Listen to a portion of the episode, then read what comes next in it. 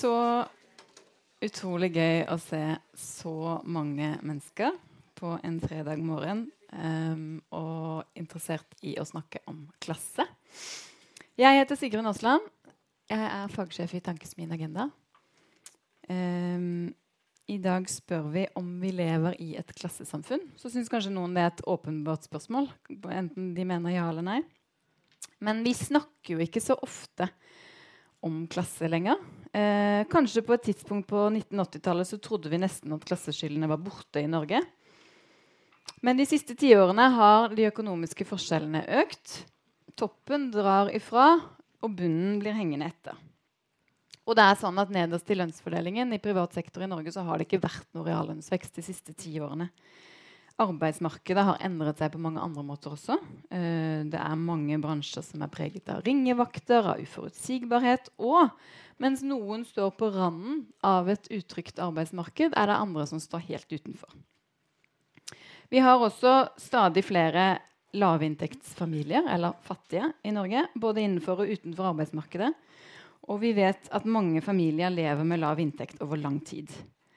Eh, jeg tror For de fleste så er det kanskje likevel vanskelig å forestille seg hva det innebærer. Eh, for vi ser det ikke så godt. Eh, og det er vanskelig å forestille seg at fattigdom i Norge er noe helt reelt. Den er litt usynlig. Den gjelder jo faktisk et mindretall. Men å mangle penger vil det få betydning for alle områder i livet. og vi skal snart få høre litt mer om hvordan.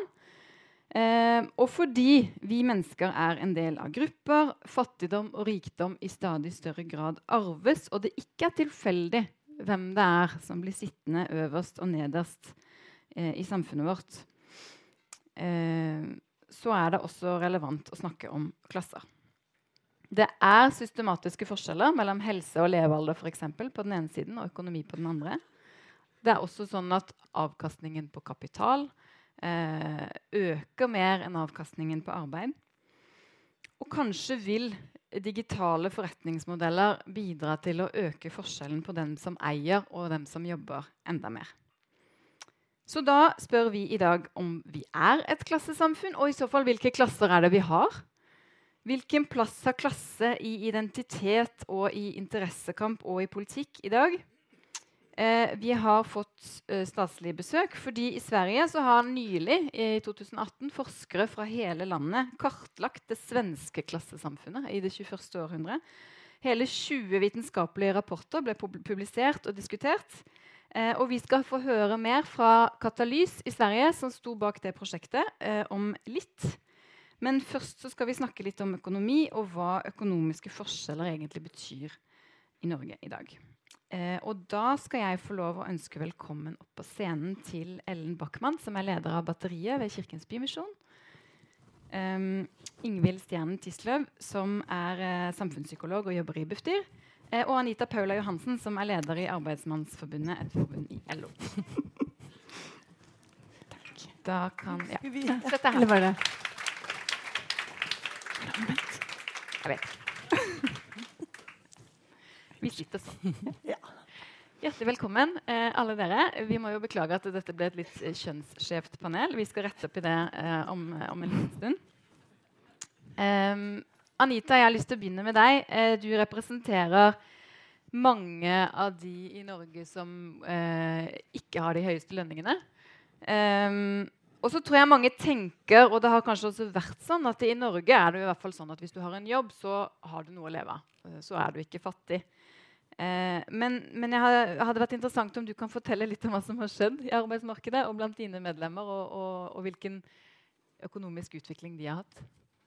Ja, jeg representerer jo da i denne sammenhengen er jo rein, altså serviceyrkene hos oss. Det er jo renhold, det er vakt og vaktmestere og den type arbeidstakere.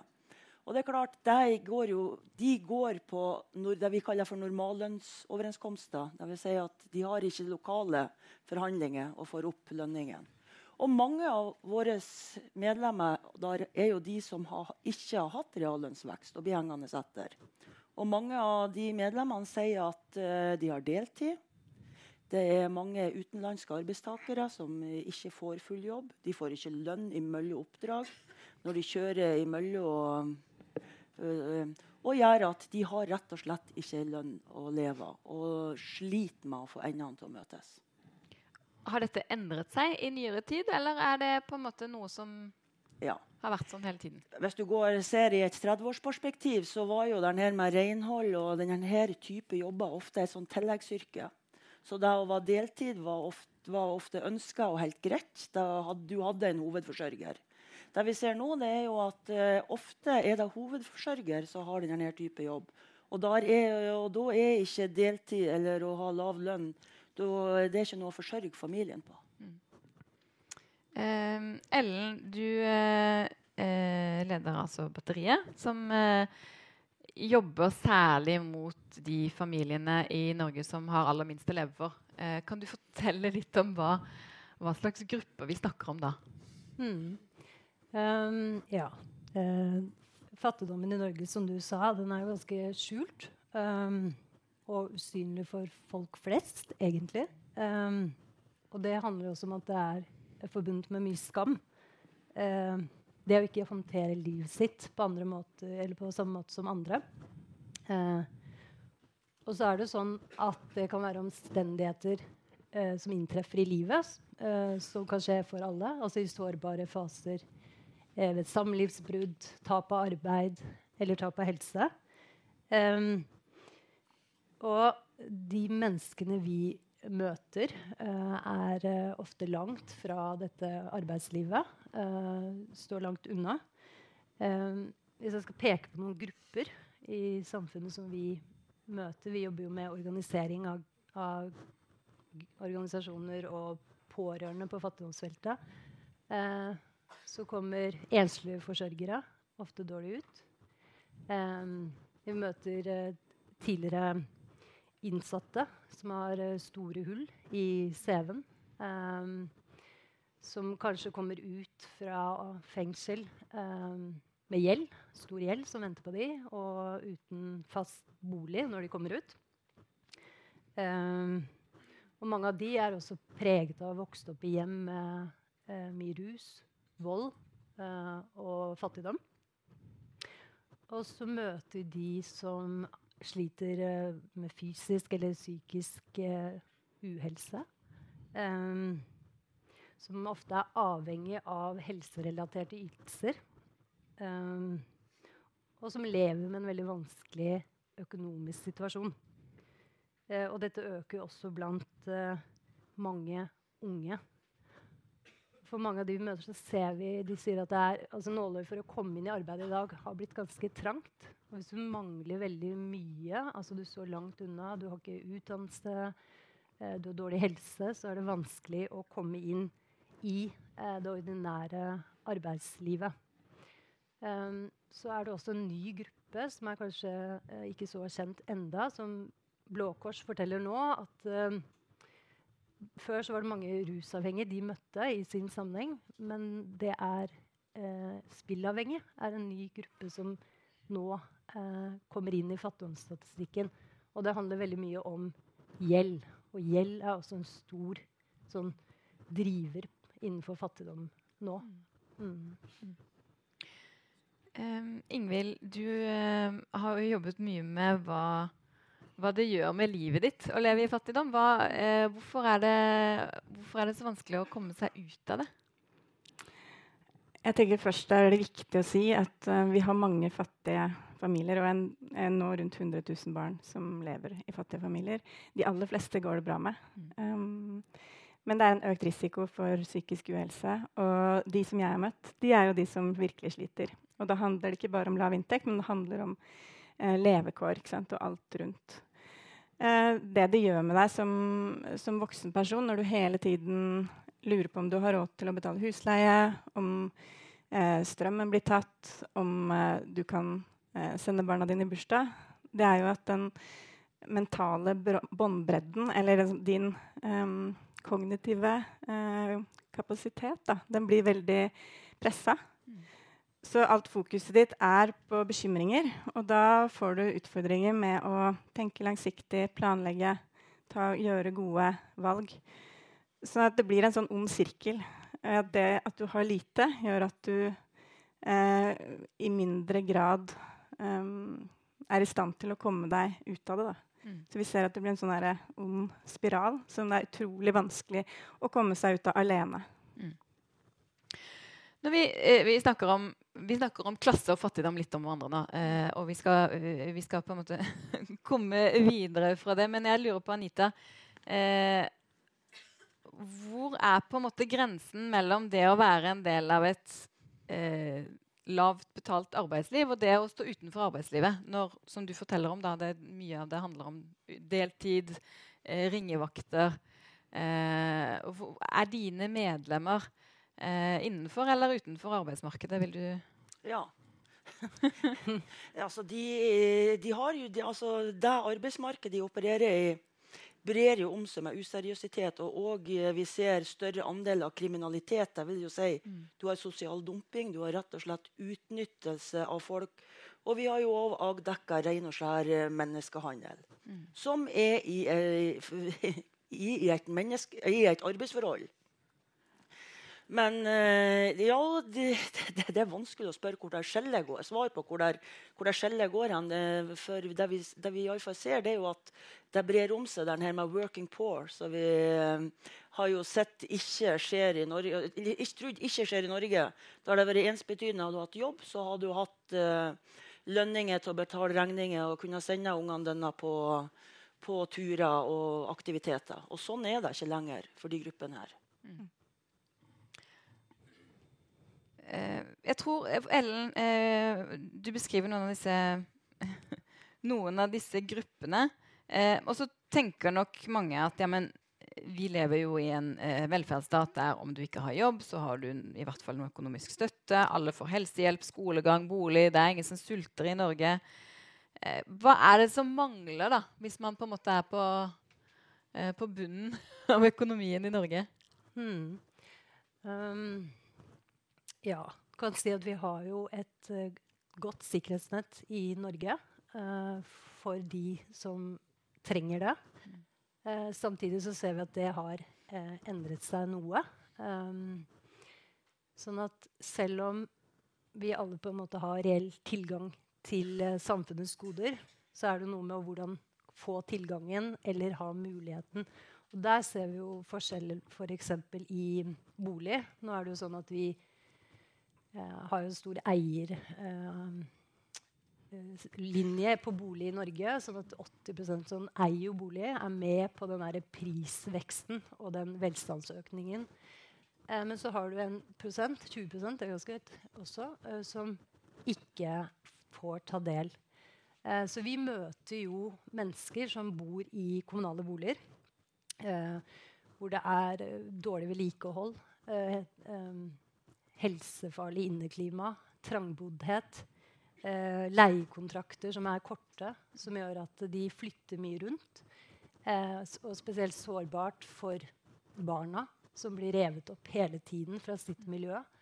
Eh, som gjør at de får jo ikke den eh, nærheten til der de bor, eh, og heller ikke det fellesskapet. Så de faller igjennom på, på, på mye. De får ikke nettverk eller trygghet. Um, og så er det også sånn, selv om vi kanskje ikke tror det, at det er barn i Norge i dag som legger seg sultne.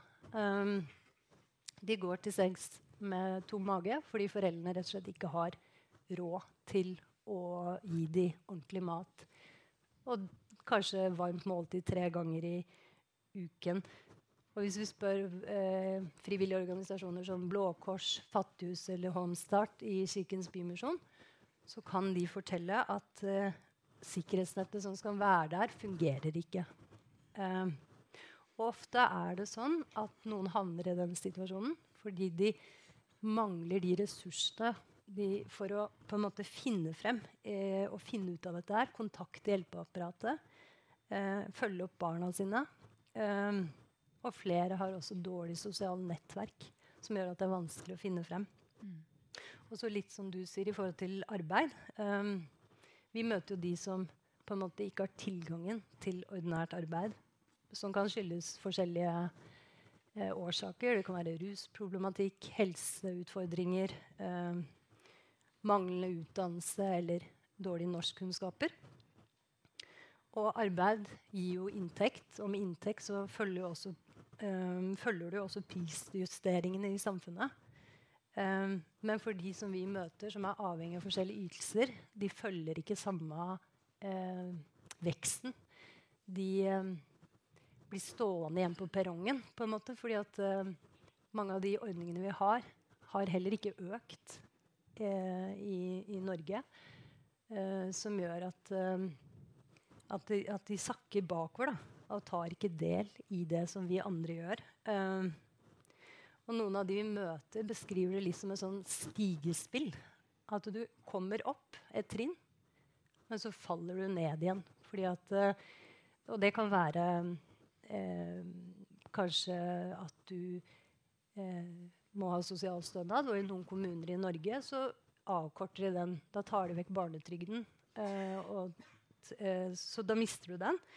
Eh, eller det kan være at eh, du ikke får boligtilskudd fordi at grensen eh, for ytelsene går akkurat til null. I, man I, mange tilfeller med uføre så, personer så vet vi at de, når de la om en, en ny sånn skatteregel, så gjorde det at de det kunne være snakk om veldig lite penger, men det var nok til at de mistet mange av de tilleggene og de tilskuddene.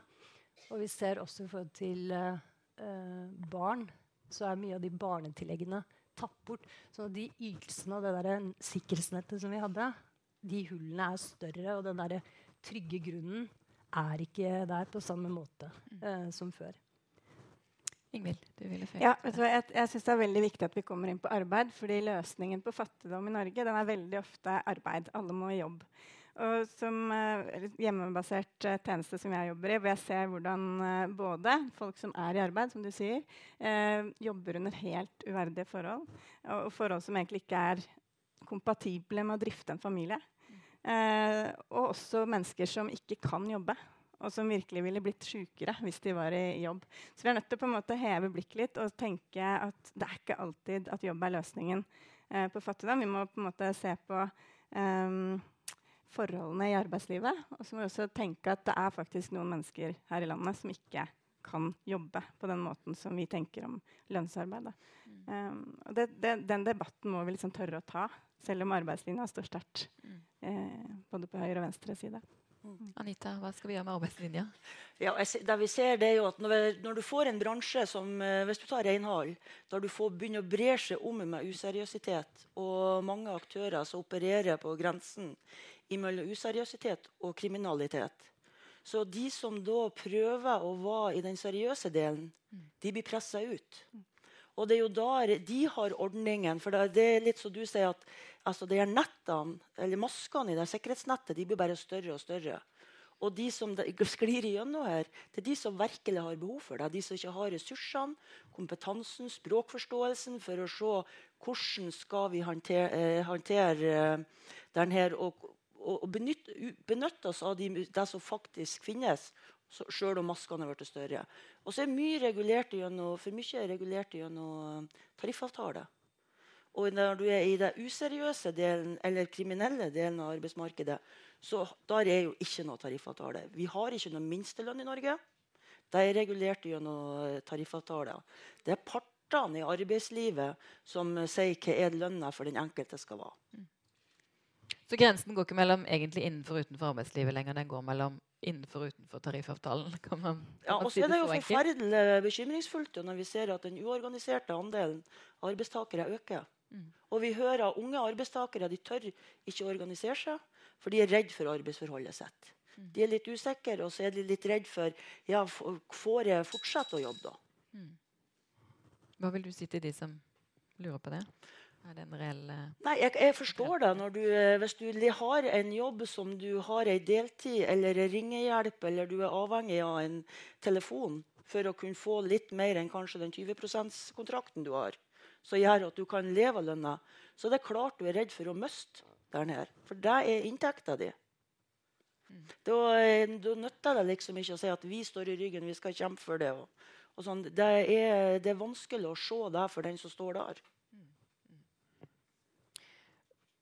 Går det an å eh, snakke om eh, de som på en måte står eh, ikke utenfor arbeidslivet, men utenfor det seriøse arbeidslivet, uh, og de som lever i fattigdom som en uh, klasse, Ingvild? Det er i hvert fall uh, mange mennesker som opplever at ikke de kan delta på lik linje med resten mm.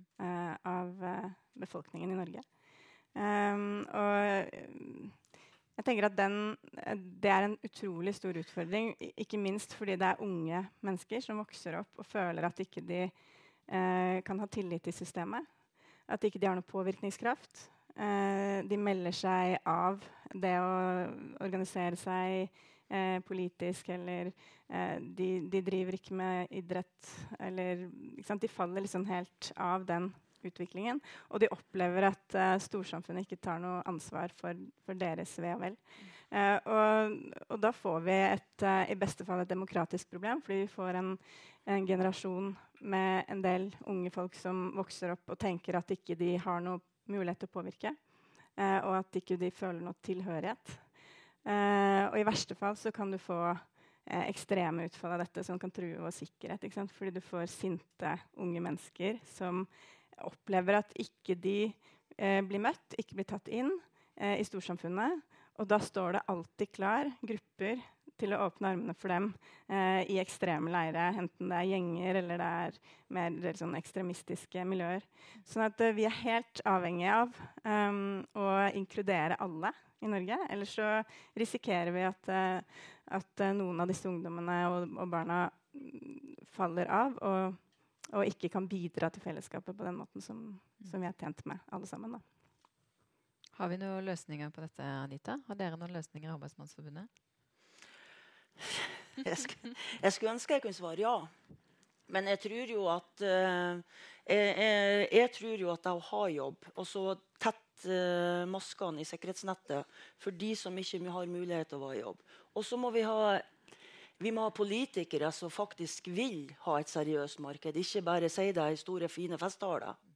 Men så sett inn tiltak som bidrar til at du har et seriøst uh, arbeidsmarked. Og også straffer de at de har kontrollmyndigheter og følger opp de, uh, så de blir tatt, de som ikke driver i den seriøse delen.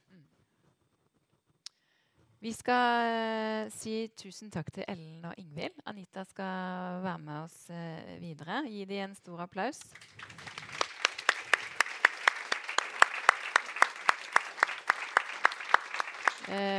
Så skal vi få ønske velkommen til Daniel Suonen, som er leder for Katalys i Sverige.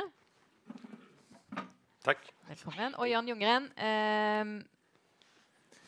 fra Universitetet i Oslo eh, som har eh, forsket mye på klasse eh, i Norge. jeg tenkte eh, Vi skal bevege oss litt over i klassebegrepet. Nå har vi hørt litt om hvordan, eh, hvordan det ser ut i det man kunne kalle det man kanskje før ville kalle eller det vi kan kalle arbeiderklassen, men som også er mange utenfor arbeid eller på randen av arbeidslivet. Eh, og dere har eh, jobbet mye mer med dette eh, enn det vi de siste årene har gjort i Norge, Daniel. Selv om eh, Jørn og andre er hederlige unntak. Eh, så jeg tenkte vi skulle Vi vil gjerne få høre litt først om klasseprosjektet dere gjorde i Sverige. Hvorfor, eh, og hva det er for noe. Og hva som kom ut av det. Ja, takk for at jeg fikk komme hit. Jeg syns det var en kjempeinteressant diskusjon. Det er kult å være her i Norge och eh, som svensk att någon gång få komma och vara liksom före med någonting. Eh, nu när skidsäsongen börjar. Liksom. Eh, vi tänker alltid det sånn, vi. Ja.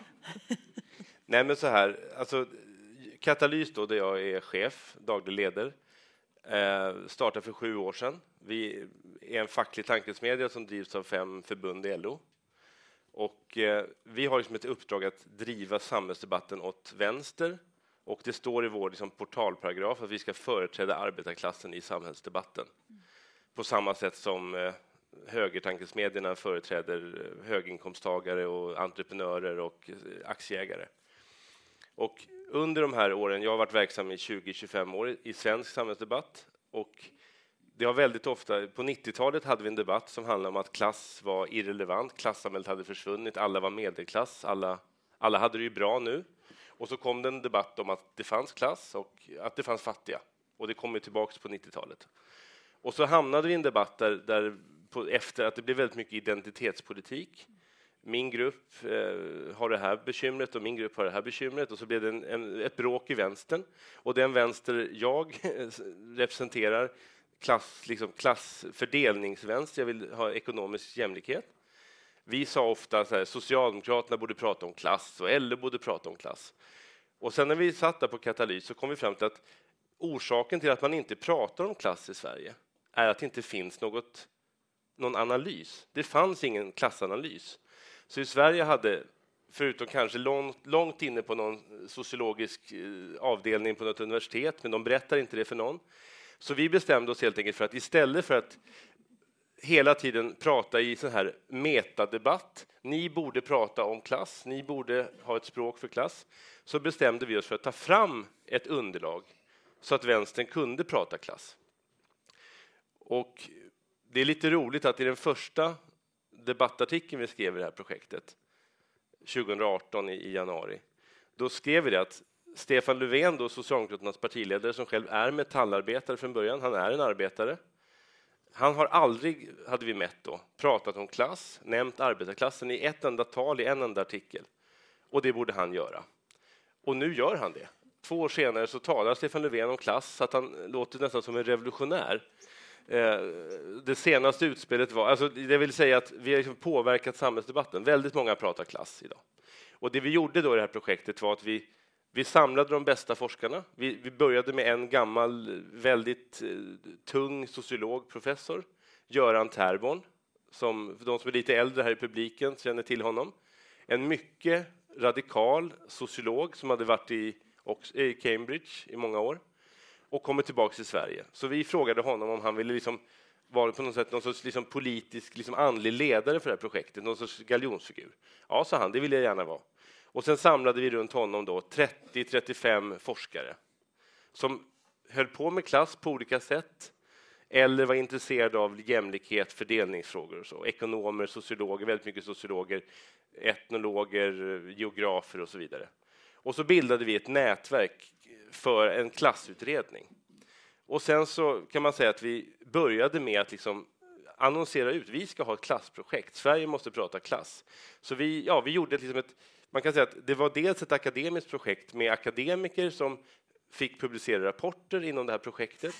Men det var också att bygga ett nätverk av klassforskare som aldrig hade träffats. Och vi fick med väldigt många, jag ska inte sitta här med massa namn, men man kan säga att det här projektet, det var en tredjedel bestod av äldre sociologer från 60-70-talet. Göran Terborn, Göran, alla heter Göran och, eh, eh, och är pensionärer och hade liksom gjort det här sedan 60-talet. Eh, vi hade liksom de, alla olika klassanalyser från ja, de, olika som hade gjorts hade vi liksom med i vår grupp. Och sen var det som unga doktorander, unga forskare, forskare mitt i karriären, sådana som på väg att bli professorer eller som har doktorerat och är postdoc och så. Så det var som en, en arbetsgrupp. Nu tror jag vi är 50 forskare i det här nätverket. Eh, och vi satte helt enkelt igång att diskutera vilka rapporter behöver vi i projektet, vilka kan vi ta fram? Och sen då ett år senare, kan man säga, på dagen ett år senare, från att vi lanserade det här i januari 17, sista januari 17 sa vi att vi ska starta det här projektet och så gjorde vi det. Och sen hade vi liksom ett år av arbete och sen publicerade vi 20 rapporter och en bok med stort liksom, såna här möten på, i Stockholm där vi släppte rapporterna. Det var tv-sändningar, det var debatter. Vi, vi var stenhårda i debatten. Vi attackerade. Vi hade en rapport som handlade, som jag vet att ni har gjort sen i Norge, en variant av, där vi visade, två, två forskare visade att arbetarklassen, som är halva befolkningen ungefär, lite grann beroende på hur man definierar den, ungefär 50 procent, var bara med 5% i Sveriges Televisions program. Men de var med 15 i, i Kanal 5s program.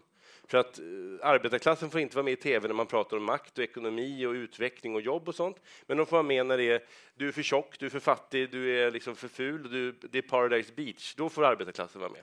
Så då ställde vi en, en liten vass fråga till kulturministern om inte hon borde kalla upp Sveriges Televisions chef och fråga varför inte arbetarklassen är representerad i tv som Sveriges Television, jag tror likadant NRK, ska skildra hela Sverige. Va? Och eh, då svarade de stenhårt att det där är bara bjäfs, ni håller på att larva er. Och då kunde vi svara, arbetarklassen är precis som kvinnor, ungefär hälften av befolkningen. Och det vore ju helt orimligt, ett svar från Sveriges Televisions högsta chef, att varför skulle vi skildra eh, kvinnorna, i, varför ska kvinnor vara med i tv? De kan ju vara med på andra sätt. De finns ju mer bakom och så där. De, de finns ju representerade på andra sätt i vår, våra sändningar. Som studiomän och så där. Eh, så, att, så då gick de i fällan. Så att vi, liksom, vi gjorde, man kan säga så här, det var liksom en, en hybrid av ett politiskt projekt att sätta klass på agendan och ett akademiskt projekt att ta fram forskning, forska fram ny forskning och liksom visa upp forskning. Så det var väldigt mycket, liksom, mycket av det här fanns redan eller var på gång eller kunde uppdateras. Men, och det är ju det som nästan är den största erfarenheten. Forskare verkar inte prata med varandra överhuvudtaget. Ingen vet hva den andre gjør i nästa korridor, nästa våningsplan, nästa universitet. Og det roligste var når det ringer liksom ulike forskere til meg og sier vi har et datamaterial på det her. Vi vil ikke være med, men vi sender over filen. Liksom. Og så kom det liksom noen med noen sorts hårddisk så här med 40 års eh, klassanalys liksom, fra et hemmelig universitet i Norrland. Och så fick vi använda det. Så liksom, och det var folk från eh, liksom Paris som jobbar med Piketty som sa jag vill inte vara med för jag vill inte förstöra min karriär, men, men jag kan skicka all data till Göran Terbon.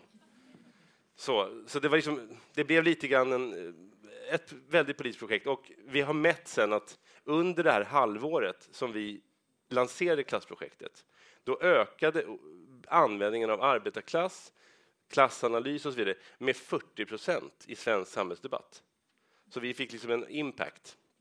Och idag är Stefan Löfven mycket klassmedveten.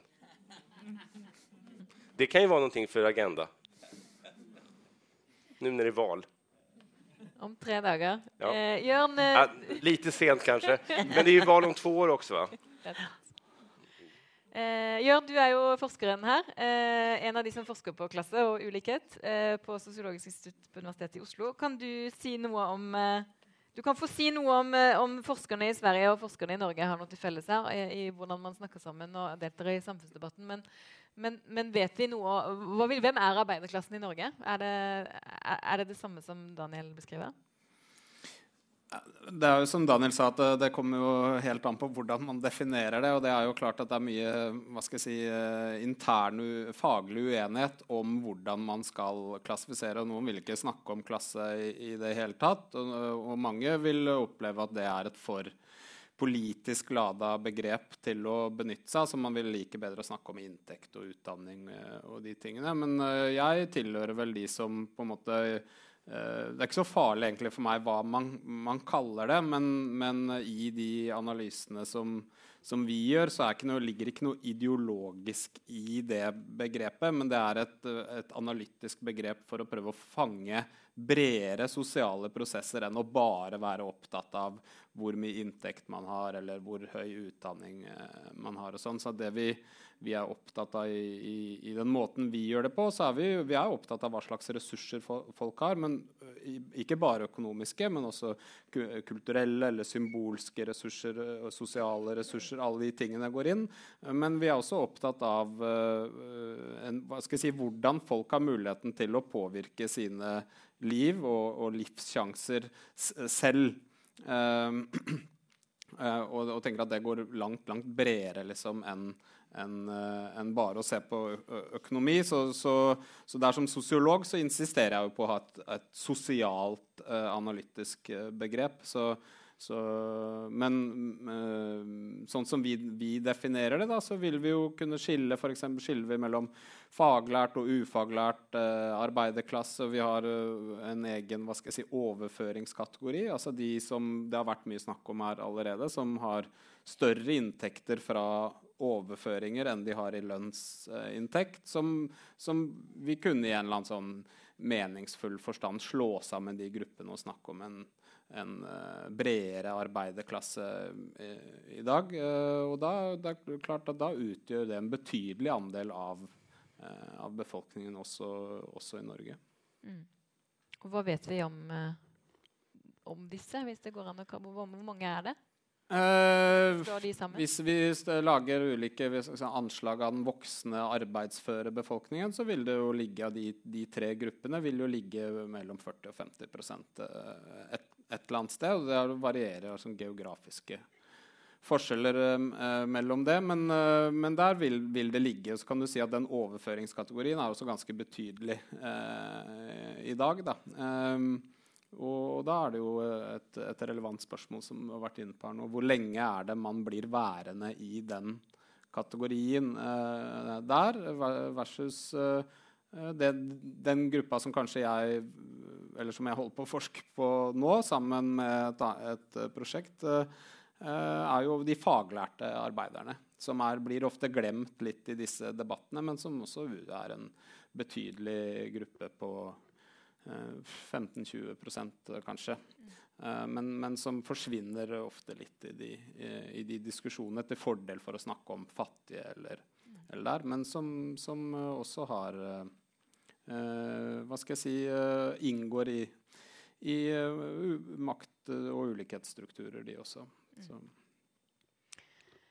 Hva tenker du er den moderne arbeiderklassen, Anita? Vil dine medlemmer se på seg selv som arbeiderklassen? Nei, altså Jeg tenker Det er ikke min uh, oppgave å definere klasser eller for, hvor er det de forskjellige uh, klassene uh, Hvem som tilhører de forskjellige klassene, det har ikke jeg forutsetninger for. Men vi er jo opptatt av ulikhetene. Hvor, altså ulikhetene, Når vi ser jo at de øker, så må man jo påpeke at vi er jo fortsatt heldige i Norge med forholdsvis små forskjeller. Men det betyr ikke at det ikke er grunn til å være bekymra for den økende graden av forskjeller som vi ser. Mm. Mm. Ja, Daniel? Nei, men jeg, jeg tenker så att klass er både en, en så å si, et socialt liksom, analysredskap som man kan definere på ulike sett, og det har vi gjort i vårt projekt. Men det er også en forståelse av väldigt mange sociala mekanismer som, som samspelar. Liksom. Eh, och väldigt mycket kan ju förklaras med klass.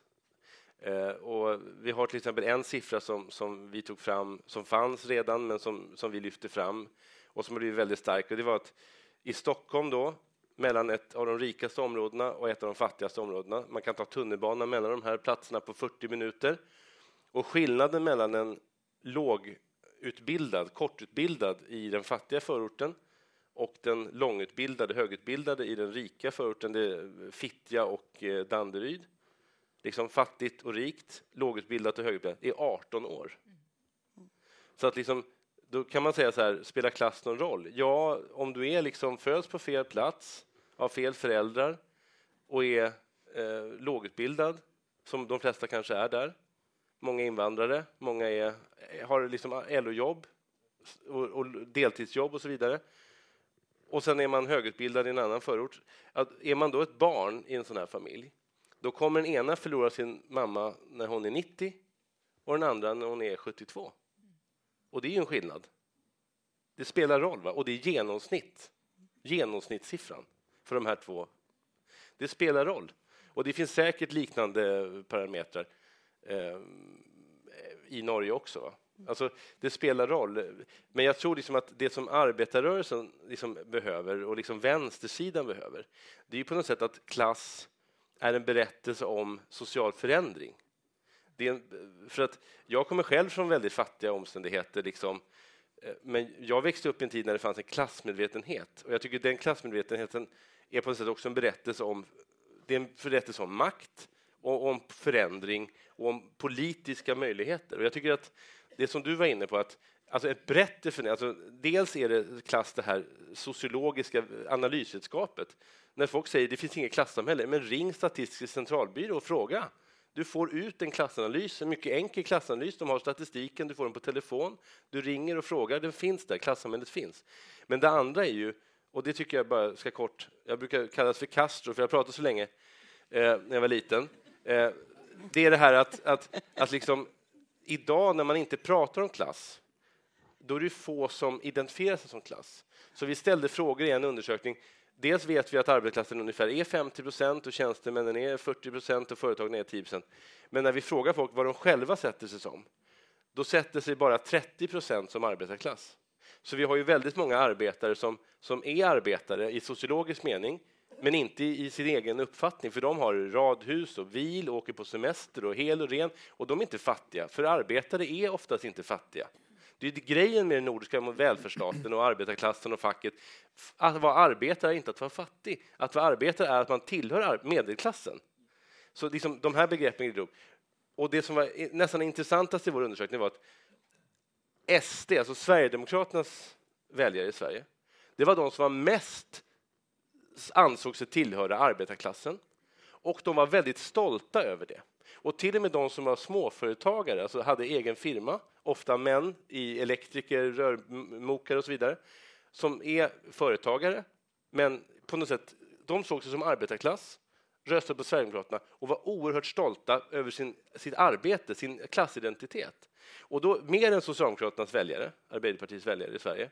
Och då sa vi så här, vi sa att kan det vara så att man genom att tala till de här väljarnas stolthet som arbetsfolk, stolthet som att stå upp på morgonen, alltså tala till deras yrkesidentitet, deras stolthet att du bygger landet, som socialdemokratin sa förr, så skulle man kunna nå dem. Därför att de här människorna trodde mindre än alla andra grupper att Sverige är ett klassamhälle. Så att gruppen sverigedemokratiska arbetarväljare är att de är stolta över sin klassidentitet, men de tror inte att Sverige är ett klassamhälle. Så att vi har massa medelklassmänniskor med höga löner och läkarlegitimation som tror att Sverige är ett klassamhälle och de liksom är medelklass. Och så har vi arbetarklass som är väldigt stolta över att vara arbetare, men det finns inget klassamhälle. Så att det är på något sätt som att den sociala analysen runt klassidentiteten har försvunnit. Det tycker jag var väldigt spännande. Mm. Ja. Eh, ja, det, det, er jo interessante ting der. Og vi har jo hva skal jeg si, lignende uh, fenomen i, i, Norge også. Men, uh, men, og der tenker jeg at det, det, som vi ikke gjør i det forskningsprosjektet vi har gående, og som vi sier handler om den moderne arbeiderklassen, da, nettopp å liksom pirke i det her og løsrive oss litt fra den gamle forståelsen av det som liksom som hvite eh, industriarbeidermenn. ikke sant? Vi tenker at det er, det er, mer mangfoldig nå. Hvordan skal vi angripe eh, dette her i dag? Og da er det helt uvesentlig for oss eh, hvordan folk vil klassifisere seg selv. Eh, fordi det, mener, det, er bare en merkelapp eh, du setter på det. Så når vi har vært rundt i Norge og intervjua eh, arbeidsfolk, eh, som er liksom et litt mer eh, nøytralt eh, begrep, og som folk lettere kan identifisere seg som, så, så, er det jo mye av de samme tingene som vi får høre i deres historier. At de opplever at de ikke får noe anerkjennelse for, for den de er. Eh, Men er stolte av å beherske disse faglærte håndverkerne som jeg har eh, sett mye på. Er jo stolte av eh, den kunnskapen de kan, men opplever at samfunnet ikke anerkjenner den kunnskapen i det hele tatt. Fordi det er mye viktigere å gå på Blindern og gå på frokostmøter på Agenda og sånn. Så, så, men som ikke de er opptatt av, selvfølgelig. Men men der kommer det jeg tenker det er noe av de samme prosessene. sånn at Vi må passe på at det ikke låser oss i at vi må bruke Vi kan ikke gå ut og måle er Norge et klassesamfunn, så går vi ut og spør folk om de vil plassere seg i en klasse. Sånn som man har gjort eh, tidligere. at Det er interessant eh, nok, det, som, eh, om folk gjør det, eller se, hvor de vil plassere seg selv. Men sånn for å prøve å måle inn i de ulikhetene som folk lever i og identifiserer seg med og, og må håndtere daglig, så, eh, så, er det bare en si, teknisk øvelse. En, vi kommer ikke inn og liksom forstår mer av det som skjer, bare av å se på de, hva folk vil kalle seg selv i et sånn kategoriske begreper. Da. Vi skal uh, åpne for et par spørsmål fra salen. Hvis noen har lyst til det, så tenk litt på det. Og så har vi en eh, mikrofon eh, hvis noen har lyst til å, å, å, melde seg. Men mens folk tenker på det, Daniel, er det um, Du sier at man må, måte, man må, studere klasser, man må kategorisere klasse for å på en måte også forstå det som politikk. er det forskjell på um, og så sier Jørn at uh, det er ikke så viktig hva vi kaller det. ikke sant? Og, og Anita at det, vi kan like gjerne også snakke om ulikhet. Men hvor mye betyr hva vi kaller det, for, for på en måte hvordan folk mobiliseres politisk? Alltså det, det, är lite lustigt för att jag är kanske en av de som har pratat klass mest i svensk samhällsdebatt de sista åren. Men egentligen tycker jag inte att det viktiga att man kallar det arbetarklassen. Alltså, som analytiskt redskap är det, en, alltså det är olika nivåer. Det ena är det analytiska redskapet, precis som, som Jörn säger. Alltså, man kan studera, så här stor är arbetarklassen eller så här. Vi tittar också på inkomst väldigt mycket. Och där visar vi att de flesta från, alltså vi har en grupp som är, har låga inkomster, men sen har vi en väldigt stor massa, 80 procent, som tjänar då med svenska låga löner jämfört med Norge mellan 20 och 50 000 kronor i månaden. Lägg på 30 000 så har ni norsk lønn. Eh, nei, jeg skojar. Men, men liksom, altså, de fleste, 80 procent, mellom mellan 20 000 og, og 50 000. Og så har man en liten grupp, det er som en boomerang, 1 procent på toppen. Så vi kan nesten i Sverige prate om the 99 procent and the 1 procent. Mm.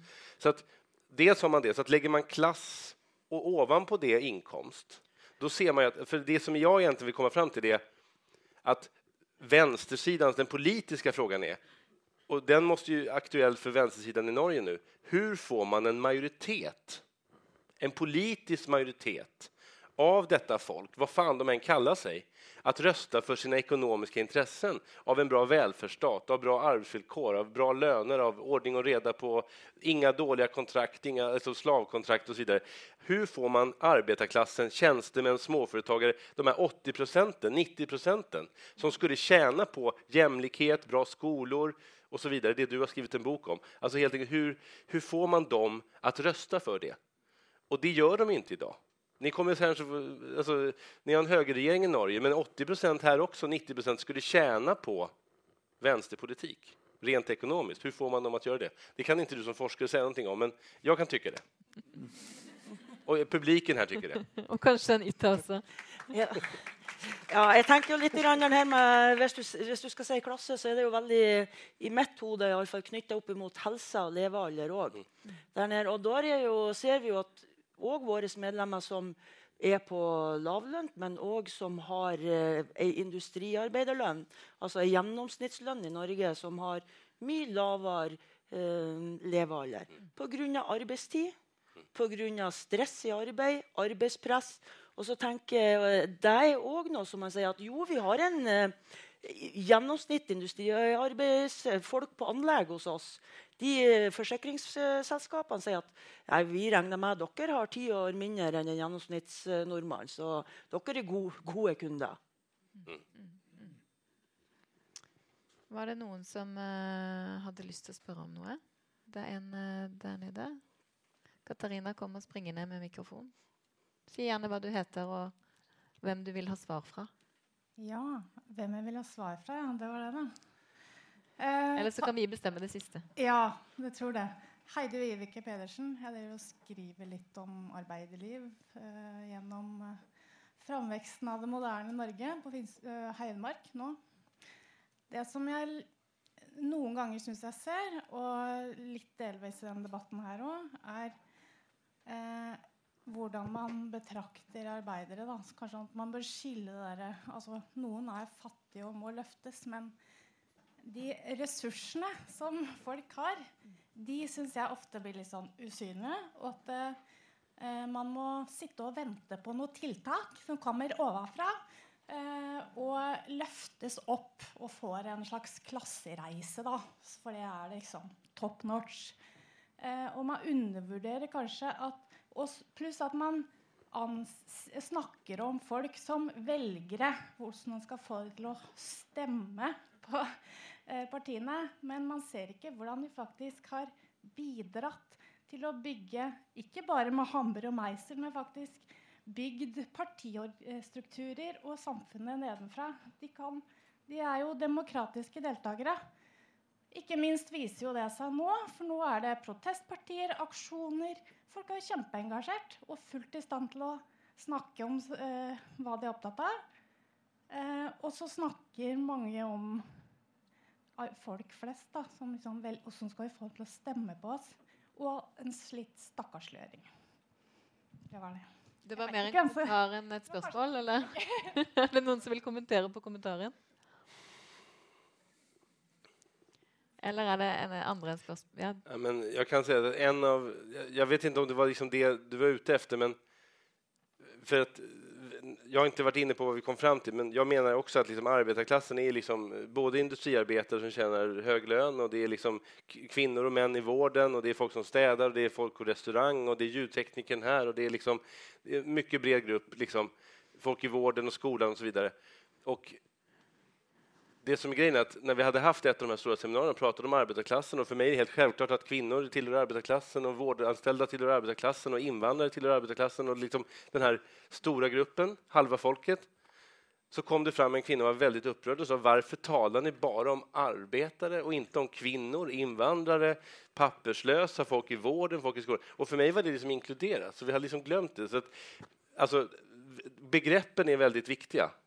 Och jag tror att det kräver mer än ett fruk halvt frukostsamtal här för att reda ut det. Liksom. Men, men jag tror att vi, det är det här som gör att vi måste ha samtal. Och jag vill också säga att jag tror att pratar man klass i sin fackförening, i sin politiska förening, i sin, då händer någonting. Det är alltid spännande diskussioner. Det är om klass man bråkar om efter fem glas vin på festen. Jag är minsann arbetarklass och morfar var med i facket och så vidare. Alltså, helt enkelt, det är oerhört mycket känslor kring klass. Så att jag, tror liksom att, jag tror vi kan diskutera det här väldigt länge och jag tror att det finns många sätt att definiera. Kalla det vad fan ni vill. Bara ni gör det. Ja. Uh, ja, jeg, jeg, kan uh, modifisere meg selv litt. Grann, uh, fordi det, jeg, jeg, mener ikke at, det ikke at klassebegrepet på en måte ikke har noen relevans. eller at Det er jo tradisjonelt et sterkt politisk begrep som har vært brukt til å mobilisere folk nettopp fordi de kunne identifisere seg med opplever at man er del av en gruppe. og sånn.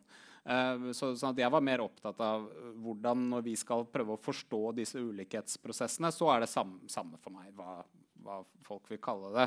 Men, men som uh, kommentaren var inne på, så, så det, jeg tror dette uh, fenomenet om anerkjennelse, som vi vil kalle det, liksom, er uh, utrolig viktig i de prosessene. Også det vi ser rører seg ute nå. Og da, da, trenger man jo et språk for å snakke om de forskjellene man opplever, og de, og de tilfellene hvor Eh, mange mange eh, arbeidsfolk, eh, altså folk uten lang utdanning eller spesielt høye inntekter, og, og sånn, opplever at de ikke blir sett på som like viktige som de eh, som har eh, lang utdannelse og bor i byene og, og, og, alt det der. Og det er et veldig viktig fenomen å, å få med seg, fordi at det, det, har gått delvis under radaren jeg tror jeg, for mye av samfunnsvitenskapen. Ja. Vi har tid til et kort spørsmål til. Nå kommer det mange hender, men det er for seint. Vi tar et spørsmål til, og så må vi runde av. Ja, jeg skal ta et kort et. Jeg heter Jan Storø. Eh, kunne dere bruke et par minutter på å se 50 år fram i tiden? Altså, fordi klasse knyttes jo veldig ofte i det dere diskuterer, til nettopp arbeid. Da. Og en mer sånn digitalisert og, og et, et, nytt arbeidsliv med, hvor kanskje ikke har nok arbeid til alle, f.eks. Mm. Eh, det syns jeg vi skal gjøre. Eh, vi kan ta det med i en eh, avsluttende eh, runde.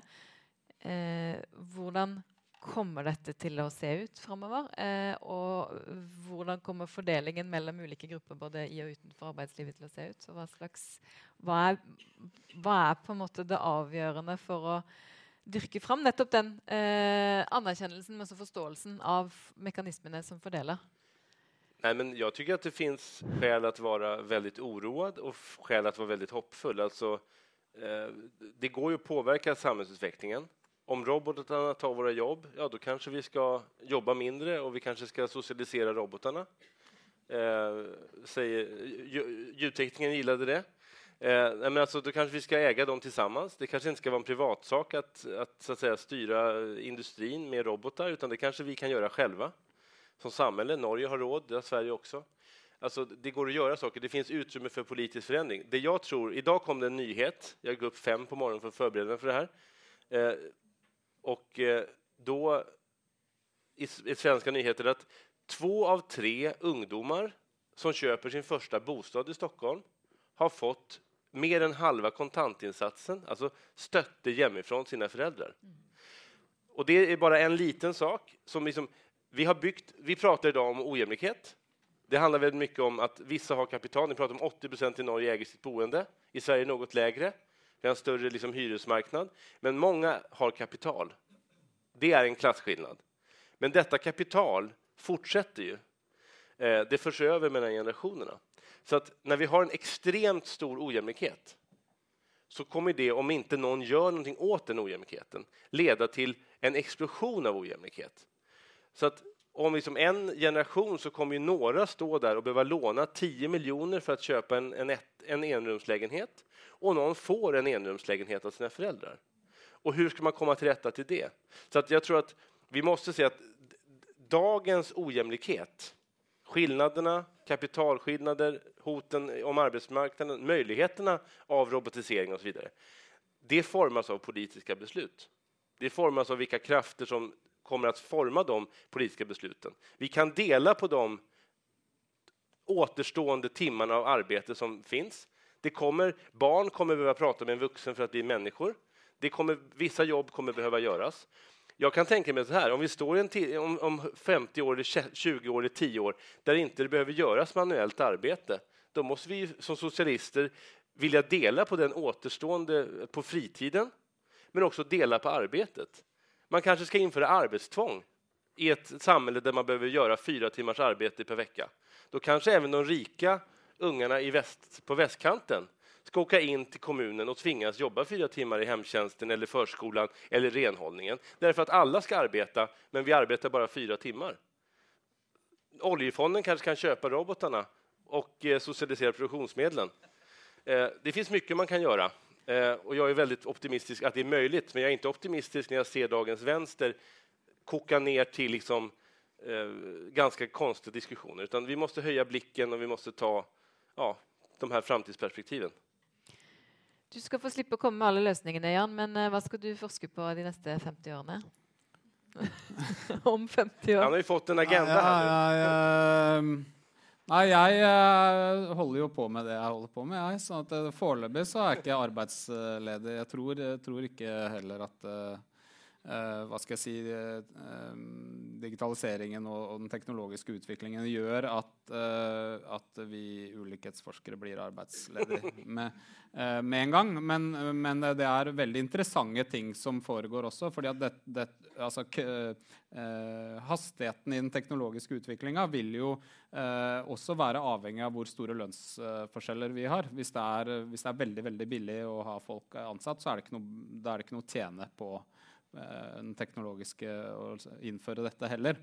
Og erstatte de, for de er så billige. Så det, dette vil avhenge av også være Eller hastigheten på teknologiseringen vil være avhengig av de lønnsforskjellene f.eks. vi har eh, anklaga her. Så, så, men Eh, det er klart, jeg blir jo ofte eh, anklaga av eh, eller ikke bare jeg, men ulikhetsforskerne, at vi er jo sånn pessimistiske eh, tullinger da, som bare ikke sant? Vi snakker bare om hvor dårlig alt går uh, hele tiden.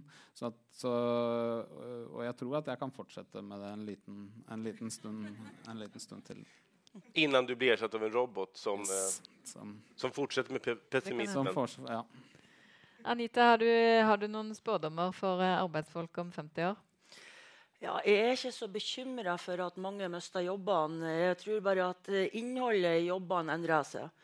Og vi i Norden er jo ganske tenker vi er ganske heldige sånn, for vi har vært med på ei digitalisert utvikling fra begynnelsen. Vi har opparbeidet oss kompetanse.